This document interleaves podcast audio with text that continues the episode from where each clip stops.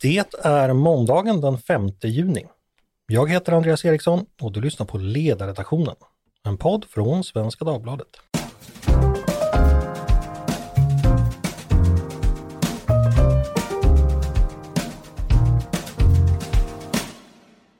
Varmt välkomna ska ni vara till en ny vecka med oss på Ledarredaktionen. Och det är en vecka som vi ska inleda med ett ämne som vi har återkommit till många gånger tidigare, nämligen kriget i Ukraina. Det är ett krig som nu snart pågått i 16 månader, där offren bara blir fler och fler, där de ryska övergreppen fortsätter och Ukraina varje dag och varje stund måste värja sig för den ryska aggressionen. Vad händer i kriget just nu? När kommer den länge emotsedda ukrainska motoffensiven? Vad kan omvärlden göra för att hjälpa?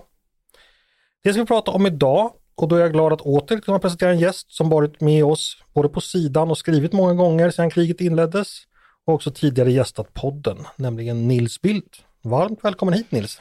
Tack ska du ha! Trevligt att vara här. Ja, Även om ämnet är, ja, är som det är. Det är som det är, men ja, det är trevligt att ha dig här också. Mm. Eh, jag ska dra igång direkt och ta tjuren vid hornen. Eh, jag tror många har funderat på den här frågan. Den ukrainska motoffensiven, när kommer den? Eh, kommer den alls och i så fall när? Eh, det, de säger den ska komma och det finns, den kommer att komma. De har fått stöd att genomföra den. Men vi ser ju inte allt. Man, Karl Clausitz talar om fog of war, alltså krigsdimman. Man, man har inte hela brädet inom synhåll. Och eh, ukrainarna är dessutom duktiga på att hålla så att säga, korten nära kroppen. Det kom, läcker ju inte ut någonting, vilket är frustrerande för många. Men det ska vi vara tacksamma för, för att överraskning kommer att vara en del av den och det tyder också på att de har väldigt god moral. Det finns inga läckor. De har ett ganska bra läge. De står ju i mitten och övar och övar och övar gissar, sig, gissar jag. Och, och i en halvmåne runt omkring står ryssarna och väntar och väntar och förbereder sig. Så att eh, deras utgångsläge inför en offensiv är god, för de kan välja. Mm. Men precis som du säger, väldigt avgörande för en framgångsrik offensiv är överraskningsmomentet. Vad finns att säga det? Hur, hur viktigt är det att man, man, man kan angripa på ett ställe där ens motståndare inte räknar med det? Det är jätteviktigt. Och man, man tittar man har gjort ganska många sådana här spaningsanfall för att trycktesta de här försvarslinjerna. Eh, som, och man har god spaning så man vet nog det. Men alltså överraskning och vilseledning är, och tempo är helt avgörande för att man ska komma, komma i försteg och komma igång. Det finns ju goda exempel på det. Mm. Eh, du skrev en text hos oss förra veckan eh, där du tog en rad historiska exempel, diskuterade lite eh, offensiven, var man ska anfalla och hur man ska lyckas. Kan du bara kort eh, ja, berätta, vad var det du sa i den texten, vilka exempel gav du då? Jag är väl lite som ni också eh, orolig och frustrerad över att det inte drar igång, men, men alltså övning och övning är en förutsättning och bra befäl. Och det hade till exempel Karl XII eh, när han Eh, Eh, den 20 november 1700 anföll Narva. Han kom dit med sin armé, de var 10 000 och ryssarna var 90 000 och han anföll på en gång samma dag, pang bom och bröt igenom linjerna och gjorde en förintelseseger. Nelson hade en välövad engelsk flotta som hade varit, hållit igång och varit ute till sjöss i fem år. Och så fort han fick koll på fransmännen och spanjorerna så anföll han på en gång på exakt samma sätt som, som Karl XII i Narva. Han bara bröt igenom linjen på två ställen och gjorde en förintelseseger. Så tidsfaktorn är, är väldigt väsentlig för att, att få en fullständig framgång. Mm. Du nämnde också ett exempel där man kanske väntade väl länge. Det var hämtat från andra världskriget och Kursk ja, exempelvis. Ja, 43. De väntade till mitt på sommaren. Det var 12-13 juli och de väntade på leverans av sina fantastiska så kallade elefantstridsvagnar och andra magiska vapen. Men, men under tiden, och det är ganska relevant det här, också, så grävde ju ryssarna ner sig och de hade dessutom god koll på var anfallet skulle ske. Så det, det blev väldigt segt och svårt och lyckades inte för dem. Och vi kan ta ett annat historiskt exempel, det är ju Poltava. Där, eh, under, där sköts det kanske upp en eller två dagar när Karl XII blev dålig och under den tiden har ryssarna byggt ut en linje med skansar till. Vilket man inte visste om när man anföll där på natten. Oj, oj, oj, och det ställde till överraskning och, och, och uh, oordning i leden. Och mm. Man tappade ganska mycket tid och sen förlorade man ytterst slaget. Hur mycket kan historien lära oss givet att teknologin och, och, mycket annat i vår omvärld förändras så enormt mycket och därmed också kriget? Är det fortfarande värt att lyssna på historien? Ja det är det. Geografin är alltid geografin till exempel. Så då, eh, den är ju helt avgörande. Och väldigt många slag har ju stått på varandra. Du har Leipzig och Lützen och Leipzig. Det finns, många sådana pivåer som är centrala och, och, och, och, Ukraina är en central pivå. Det är liksom där Europa möter Asien och nord-syd. Så att den, den kan lära oss väldigt mycket. Mm. Jag tror det har gått ungefär sex månader sedan du var med i podden senast och för oss som eh, inte följer kriget lika väl som du gör ser det ut som fronterna under de här senaste sex månaderna inte rört på sig särskilt mycket. Vad är det som har skett på marken under det här första halvåret 2023? Går det, går det att sammanfatta? Eh, ja, det är en intressant fråga. För det första så är det ju ledsamma att den, den, den ryska terrorn, alltså kidnappning och bortrövning av barn och, och eh, eh den brutalitet och våldsamhet och, och, den folkmord som de bedriver i, i de beslagtagna och för tillfället ockuperade områdena har fortsatt. Och, och Putin har ju blivit nu eh, åtalad som krigsförbrytare. Mm. Eh, för det andra så har det ju inte hänt, det vill säga den ryska vinteroffensiven som skulle göra det stora, var den stora framgången. Mm. Det blev ju ingenting alls. Eh, och det blev en liten marginell seger, 5 över 12 som var en pyrrusseger i Bakhmut. Sen har det blivit lite mer diffust de senaste tiden. Vi kan ju nu räkna upp att ungefär, det är ett antal hundra olika bomber och attacker och sånt där inne i Ryssland mot mobiliseringskontor, mot oljedepåer, kommunikationsknutpunkter, lager och, och, och mot Moskva samt eh, mot Kreml. Så det finns något där inne som bubblar och växer. Och å andra sidan så kan du nog eh, på goda grunder anta att de serbiska nationalisterna, de har i alla fall ryskt stöd när de gör det de gör i Kosovo. Så det har blivit lite mer diffust. Mm.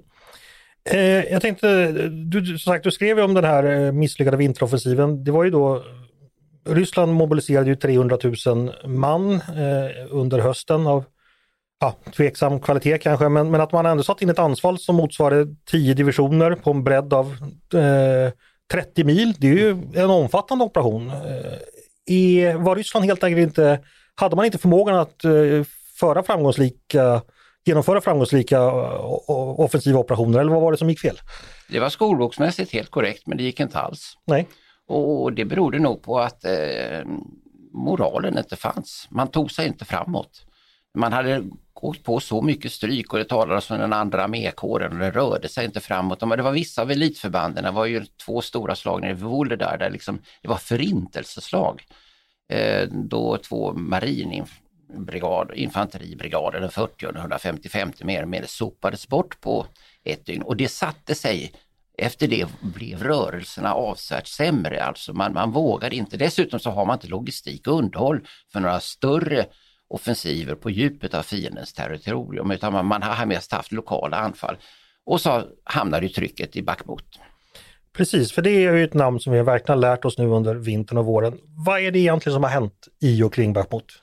Egentligen ganska lite. På slutet så, så lämnade ukrainarna Bakhmut och ligger i utkanten på höjderna. Mm. Eh, det skedde till oerhörda ryska förluster ungefär. Det talas om förluster på 5 till 1 och stundtals 7 till 1 när eh, eh, Wagnerförbanden och vissa andra reguljära förband anföll.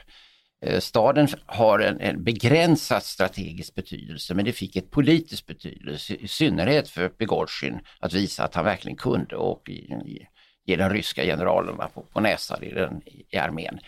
Eh, när de väl tog staden, eller när eh, Ukraina hade retirerat ut ur själva staden så firades det ju knappast ens som en seger. Det var kostsamt och det fick till följden att det nötte ut de ryska förbanden och det band dem på en och samma plats och de tappade styrka på andra fronter och kunde inte genomföra någonting annat heller. Mm. Nu nämnde du Wagnergruppen. Eh, vilken roll eh, har de spelat i vinterns strider och vilken roll kan de tänkas spela framöver? Vilken styrka har de? De började med 10 000 och så rekryterade de fängel, fängelsefångar, dödsdömda och livstidsdömda mot skälig ersättning. Och de kom upp i 40-50 000 och nu är de tillbaka på 10 000. Så det har ungefär 20-30 000 har åtminstone omkommit i de här striderna. Eh, nu eh, har de lämnat över eh, den här frontlinjen vid Bakhmut, inte till ryska förband utan till tjetjenska förband, vilket är lite förvånande.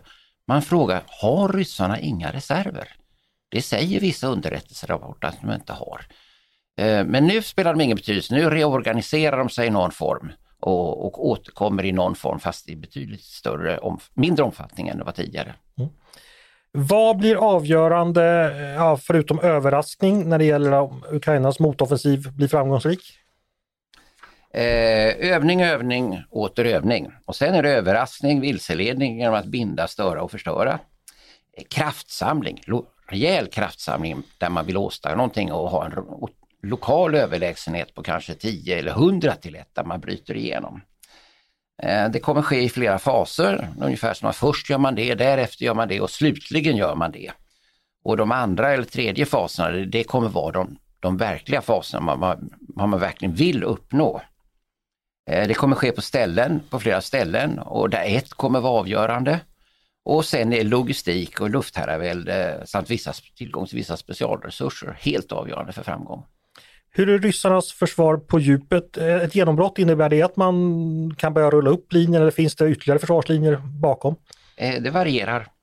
Överlag så är det en linje och det är liksom en, här och var en stridsvagns hinderlinje och sen så bakom den är det miner och sen så är det en skyttegrav och sen så längre bak, en 500 längre bak så är det en stridsvagnsgrav. Ehm, det är piece of cake att ta sig igenom för ett standardmässigt förband. Men är det flera linjer på linje på linje, då blir det ju segt. Mm. Eh, alltså linjerna, eh, försvarslinjer kan aldrig stoppa en fiende. Det kan indikera var de kommer anfalla eller var de anfaller och därmed vinner man tid för att få till resurser. Nu är ju läget dock det att, vilket eh, Eivill Haynes som är chef för eh, Director of Natural Security, hon säger ju att de har inga reserver. Eh, och det säger och, och, och, och Ben Wallace som är engelske försvarsministern säger att hela ryska armén är ianspråktagen. Att försvara den här linjen på 100 mil, det är inte så lätt och de har inte så mycket. Men däremot har de på de ställena som är betraktas som centrala, alltså eh, söderut ner mot Azovska sjön, där finns det vissa rejält utbyggda eh, försvars och fördröjningsområden som är bortåt 5-6 mil djupa med linje på linje på linje. Och det är ju, det är ju direkt jobbigt då, att ta sig igenom och det bör man avråda dem från. Men det vet de bättre själva. Mm. Det har diskuterats lite olika, vi vet förstås ingenting, men olika riktningar också för den ukrainska motoffensiven. Om, ja, öster och söder brukar ju talas om ibland exempelvis. Vad, vad, vad tänker du kring det? Eh, finns det någon, någonting som talar mer för det ena eller andra alternativet? Um, ja, de kommer överraska oss och de kommer göra någonting som vi inte kan ana. Men, men ytterst, ytterst så tror jag att eh, även om de tar 20 eller 30 kvadratmil österut så eh, förändrar inte det det militärstrategiska läget. Men, men tar de eh, söderut ytterst så småningom så att de får ett strypgrepp på Kriml, då förändras de förutsättningarna för en förhandlingsbar fred. Tror du att vi kommer få se ytterligare ryska mobiliseringar? Och finns det i så fall manskap att ta? Ja, det är en bra fråga du. Nej, det, det, det börjar bli tomt i lagret. Va? Alltså de utbildar ungefär 150-200 000 under 15, under 15 år. Och, och, en del av, större delen av de som först gick in har ju tagit slut och betydande del av de andra, en till två miljoner man i, har flytt. Eh, så att, men då får de hitta eh, äldre årgångar och, och de, de mobiliserade i den första mobiliseringen, det var ju sämre än de de hade från början. Och, och vill, vad blir det då för kvalitet på dem de mobiliserade ytterligare en omgång? Det visade sig att det, var, blev, det blev inga bra förband och man saknade ju befäl. Vi såg ju vissa av anfallen den här vinteroffensiven så såg det ut som det var herrelösa stridsvagnar eller fulla stridsvagnsbesättningar som körde runt. Så det saknas utbildade soldater, det saknas bra befäl och det saknas bra material. Så att utgången av en andra mobilisering behöver inte bli bättre än utgången av den första. Mm. Utan snarare är risken tvärtom, eller förhoppningen, förlåt, att det blir än sämre. Men lidandet blir ju stort. Finns det någon ordinarie värnpliktsårgång som ligger inne och är snart färdigutbildad eller hur ser de cyklerna ut? Ja, de har man redan förlängt utbild utbildningstiden för, så ja. de, de, är redan i anspråktagna och det gäller även det förra årets utbildningskontingent. Mm. Eh, du har ju flera gånger på sidan också skrivit om vikten av hjälp från väst. Eh, jag tänkte vi skulle prata lite om det. Eh, vad är det som har hjälp, för hjälp eller stöd som har kommit och är det tillräckligt? Nej, det är det inte. Nej. Alltså, han sa ju, Zelenskyj sa i augusti förra året, ge mig 300 stridsvagnar, 600 pansarvagnar och 300 haubitsar så är kriget slut för jul. Och, och, och, då tror jag han hade tänkt använda dem för att använda, just anfalla söderut, för mm. då fanns det inte så mycket ryska förband i det området. Nu får han sent om sidor 230 stridsvagnar och 500 pansarvagnar och sånt där, men det, det, är inte riktigt det han hade begärt. Eh, och dessutom är motståndet större. Och, och eh, militära misstag stavas så för sent och för lite och jag tycker NATO, jag tycker väst har varit för långsamma att leverera.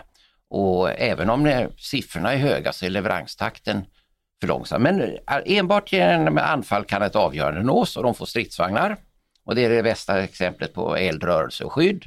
Och så får de pansarfordon runt omkring och så får de artilleri och så behövs det luftvärn och så behövs det logistik och så behövs det luftherravälde. Så det är väl sammansatta och duktiga förband. Det talas om att det har utrustats sex brigader. Ah, 4-5 tusen man vardera med mycket bra material i två armékårer. Och det, det, är, det är en kompetent styrka. Mm. Men det hade kunnat vara, eller det borde ha varit mycket mer tycker du? Det borde varit mycket mer, det borde ha varit mycket tidigare. Mm. Tidsfaktorn än en gång. Och varför, varför blev det inte så? Fanns inte den politiska viljan riktigt i väst? Eller förstod man inte eller vad? Har du någon tanke kring det? Nej, det är den politiska processen. Vi har Olof Scholz som säger liksom, nej men först kan vi, kan vi leverera, måste vi leverera stridsvagnar och därefter kan vi tänka oss leverera flygplan. Varför kan man inte göra allt på en gång? Mm. Jag, det är obegripligt att det är så långsamt jag förstår inte att inte Jens Stoltenberg kan uppanamma större stöd i den här frågan heller, att få ordning på NATO, att vi gör mycket mer och mycket snabbare på en gång. Mm. Eh, nu nämnde du flyg, eh, förstås viktigt i offensiva företag. Det har pratats om F16. Eh, ja, vad betyder den typen av stöd för, för Ukraina att om man skulle få fyllas på med ordentligt med slits, slitsplan? Eh, man kan aldrig vinna en slag på marken sedan första världskriget om man inte dominerar luftarenan. Mm. Eh, Ukraina hade ungefär drygt 100 plan i början. Eh, ryssarna har 1000. Eh, ukrainarna har nu 50 kvar ungefär. Det är liksom en teknisk förslitning också på planen. Det går ju att räkna ut att om ett år så har de inga kvar. Och det tar minst ett år att utbilda piloter och ett system. Så vi är redan nu ånyo för sent ute att leverera ett flygsystem till dem. Eh, eh, då, de två som man talar om är ju amerikanska F16 och, och svenska JAS. Svenska JAS är snabbare, billigare, eh, flyger bättre. Och, och, eh, men, men, det finns flera F16, det finns 4000 och det har byggts 300 JAS. Sverige har 100 och Tjeckien har 14 och Ungern har 14. Men den stora skillnaden är i hur de används. Alltså en JAS eh, behöver inte ett flygfält med 3000 tekniker som NATO behöver för att flyga sin F16. Den kan ju starta på en vägsträcka med stöd av några värnpliktiga, värnpliktiga och några lastbilar som tankar upp den och ger dem bränsle och sådär. Så att den är ju oerhört mycket strids, mer stridseffektiv och svårare att slå ut. Eh, så det är ett utomordentligt kapabelt system. Det vore bra. Och det är ju bättre att ha flygplan, svenska JAS som flyger i Ukraina än att de står i hangaren i Sverige. Och det är bättre att ha motiverade ukrainska piloter än svenska piloter som säger upp sig. Så jag tycker det är ett självklart val. Mm. Jag tänkte också fråga, du har redan nämnt också moralens betydelse, självklart viktig. Ukrainska mm. soldater slåss ju för, för sitt land och sin hembygd. De ryska ofta tvångskommenderade, eh, man är långt hemifrån och de vet kanske inte alltid vad de slåss för. Eh, den ukrainska moralen håller den i sig vad vi vet? Det har ju trots allt gått 16 månader. Människor slits ju ner precis som, som allt annat. Det finns tecken på trötthet. Det, det är förståeligt eftersom de har varit under så hårt tryck. Men de har roterat förbanden, så när man har varit vid fronten ett tag så, så, så, får man åka hem och det är inte så särskilt långt hem och så vilar man upp sig och så kommer man mm. tillbaka. Eh, men, men, moralen är hög. Till exempel, det, det, slipper ju, det kommer ju inte ut någonting ur av deras, eh, vad de tänker göra, hur de tänker göra. Eh, så, och krigsviljan är hög och, och de, de, de, de, den ryska terrorn motiverar också och, och, hjälper till den högre försvarsmoralen och anfallskraften. Mm. Jag tänkte det, hemmafronten. Nu har ju Kiev återigen blivit attackerat. Civila mål där. Eh, man läser folk som befinner sig i Kiev, man flyttar ner skolundervisningen ibland i skyddsrum, ibland får man folk sova i tunnelbanan och så vidare hur, vad, vad vill ryssarna uppnå med det? De vill visa att de är igång. Det är ganska skäligen meningslöst. Va? 27 av 29 drönare sköts ner och så har det varit hela tiden. Det ukrainska luftförsvaret är ju eh, intensivt men samtidigt så vill man väl trötta ut luftförsvaret och få luftförsvaret att flytta sig från fronten eh, genom att attack attackera som man gör. För effekten av de här anfallen som nu genomförs är mycket begränsad. Och ukrainarna i har ju lärt att leva, man leva med De flyttar ner i skol, skolan i källaren ett tag och så går de upp igen. Det, liksom, det har blivit, tyvärr blivit en del av en vardag. Mm. Eh, men hur ser ryssarnas kapacitet ut där? Har de hur många drönare som helst? De har ju fått från Iran vet vi, men, men vet vi hur det ser ut på den fronten? De har börjat med tillverkning nu igen, eh, men det svarar inte alls upp mot behoven. Eh, och de har iranska drönare, de, de, därför de får inte tillgång till avancerade chips och de eh, iranska drönarna är av låg kvalitet.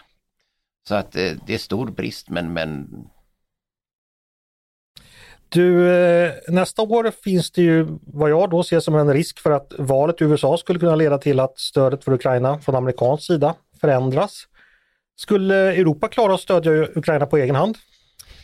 Eh, det finns inget alternativ. Jag har gett ungefär 17 eh, till 20 miljarder dollar och förra året gav USA 23 och nu ska de ge 40. Mm. Så att, ja, och att USA skulle skära ner det till noll är nog inte aktuellt men, men det kan vara som så att de säger att vi måste så att säga, fördubbla det hela. Då får vi göra det. Mm. Därför det finns inga alternativ.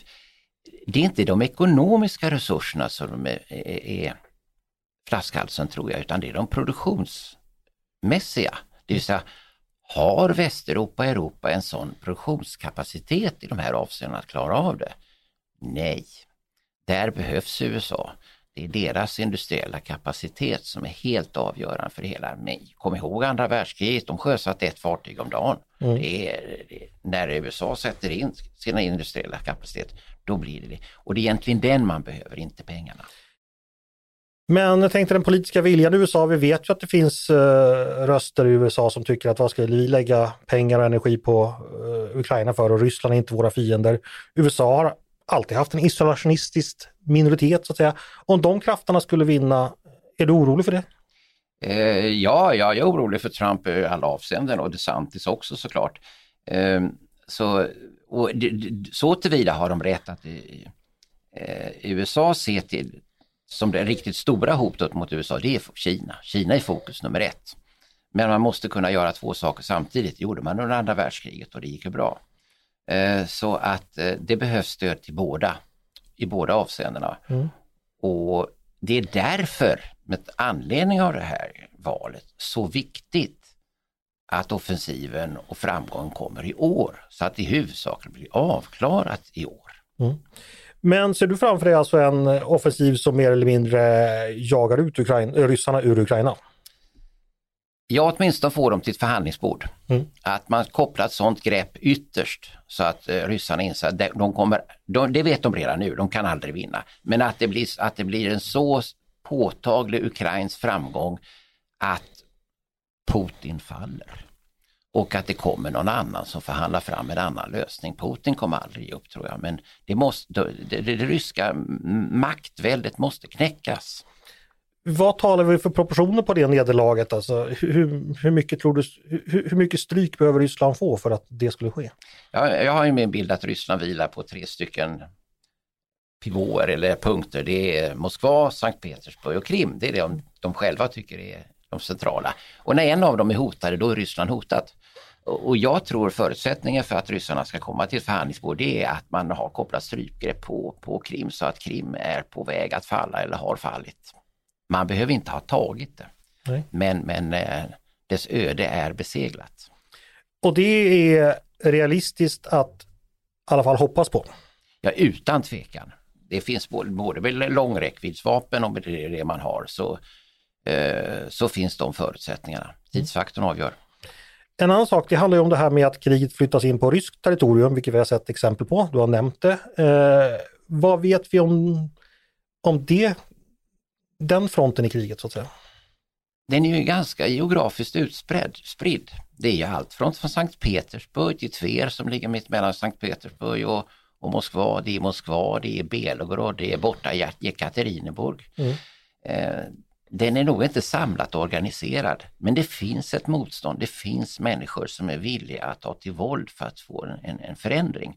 Och, och, blir maktförhållandena förskjutna så att liksom den etablerade maktens ställning är allvarligt skadad, då kommer de träda fram i än större omfattning. Det är jag alldeles övertygad om. Mm. Det här har ju diskuterats lite, Ukrainas, eh, så att säga, vilka möjligheter man ska ha att slå mot ryskt territorium. Jag vet inte om du såg det, eh, förra veckan var det diskussioner om det. Eh, man, man, kan tycka det är självklart att Ukraina måste också kunna bekämpa fienden på dess eget uppmarschområde så att säga. Liksom. Mm. Men det är inte helt okontroversiellt. Nej, det är mycket kontroversiellt att använda västvapen över ryskt territorium. Mm. Men jag håller ju med dig, ett asymmetriskt krig. Ryssarna kan gå över gränsen och pusta dem ut och ska de vara helt liksom, fredade där. Så, så, så förs ju inte egentligen krig. Så att det, det, det är en asymmetri som är olycklig. Men jag tror att det finns ett antal redlines som man inte går över. Du har inte, till exempel inte sett eh, ryska vapen mot eh, depåer där NATO-material har varit. Eh, NATO har fått fortsätta sina, liksom, lever, leverera tryggt och säkert. De här spaningsplanen, de flyger tryggt där de flyger. Mm. Så det finns överenskommelser som, som det är nog bra att de håller sig till. Om man som eh, vanlig svensk vill följa krigshändelserna så detaljerat som möjligt, har du några eh, källor, medier eller något annat du rekommenderar att man tittar på? Ja, jag följer till exempel ISV, Institute of Study War. De har på Twitter dagliga uppföljningar. Det är en av de mer trovärdiga öppna källorna. Mm. Någon annan? RUSI gör lite ett annat organisation i England som gör lite mer djupgående analyser som också är väldigt värd att rekommendera. Mm. Nu ska man ju läsa Nils Bildt i Svenska Dagbladet också. Mycket gärna, tack. Du, vi ska ta avrunda. Eh, bara kort, eh, du ska få titta lite in i framtiden. Vad förväntar du dig kommer ske i kriget under sommaren? Ja, jag hoppas verkligen att man gör någonting och att det inte blir som Kursk och Tava utan att man klipper till rejält ungefär i de begrepp, med de taktiska och strategiska begrepp jag beskrev. Jag tror att ryssarna är svagare än vi tror. Uh, mer uttröttade än vad vi tror, de själva förbanden. Uh, och jag hoppas att man kan göra något innovativt och gå runt befästningar. De ska man ju helst gå runt så man kommer på djupet och förorsakar kaos och kapar underhållslinjer och ledningslinjer och sånt där så att det faller. Det kan ta tid i sin förlängning men eh, jag tror att avgörandet är viktigt att det sker under år. Mm. Och tror du att det kommer ske i år? Eh, ja, jag tror att det kommer ske i år. Mm. Vi får hoppas att du har rätt. Stort eh, tack eh, Nils Bildt för att du ville komma till podden idag. Tack ska du ha. Och tack också till er som har lyssnat på dagens avsnitt av Ledarredaktionen. En podd från Svenska Dagbladet. Ni är varmt välkomna höra av er till oss på redaktionen med tankar och synpunkter på det vi har precis diskuterat. Eller om ni har idéer och förslag på vad vi ska ta upp i framtiden. Då är det bara att mejla till ledarsidan snabla svd.se. Dagens producent heter som vanligt Jesper Sandström jag heter som vanligt Andreas Eriksson och jag hoppas att vi hörs igen snart.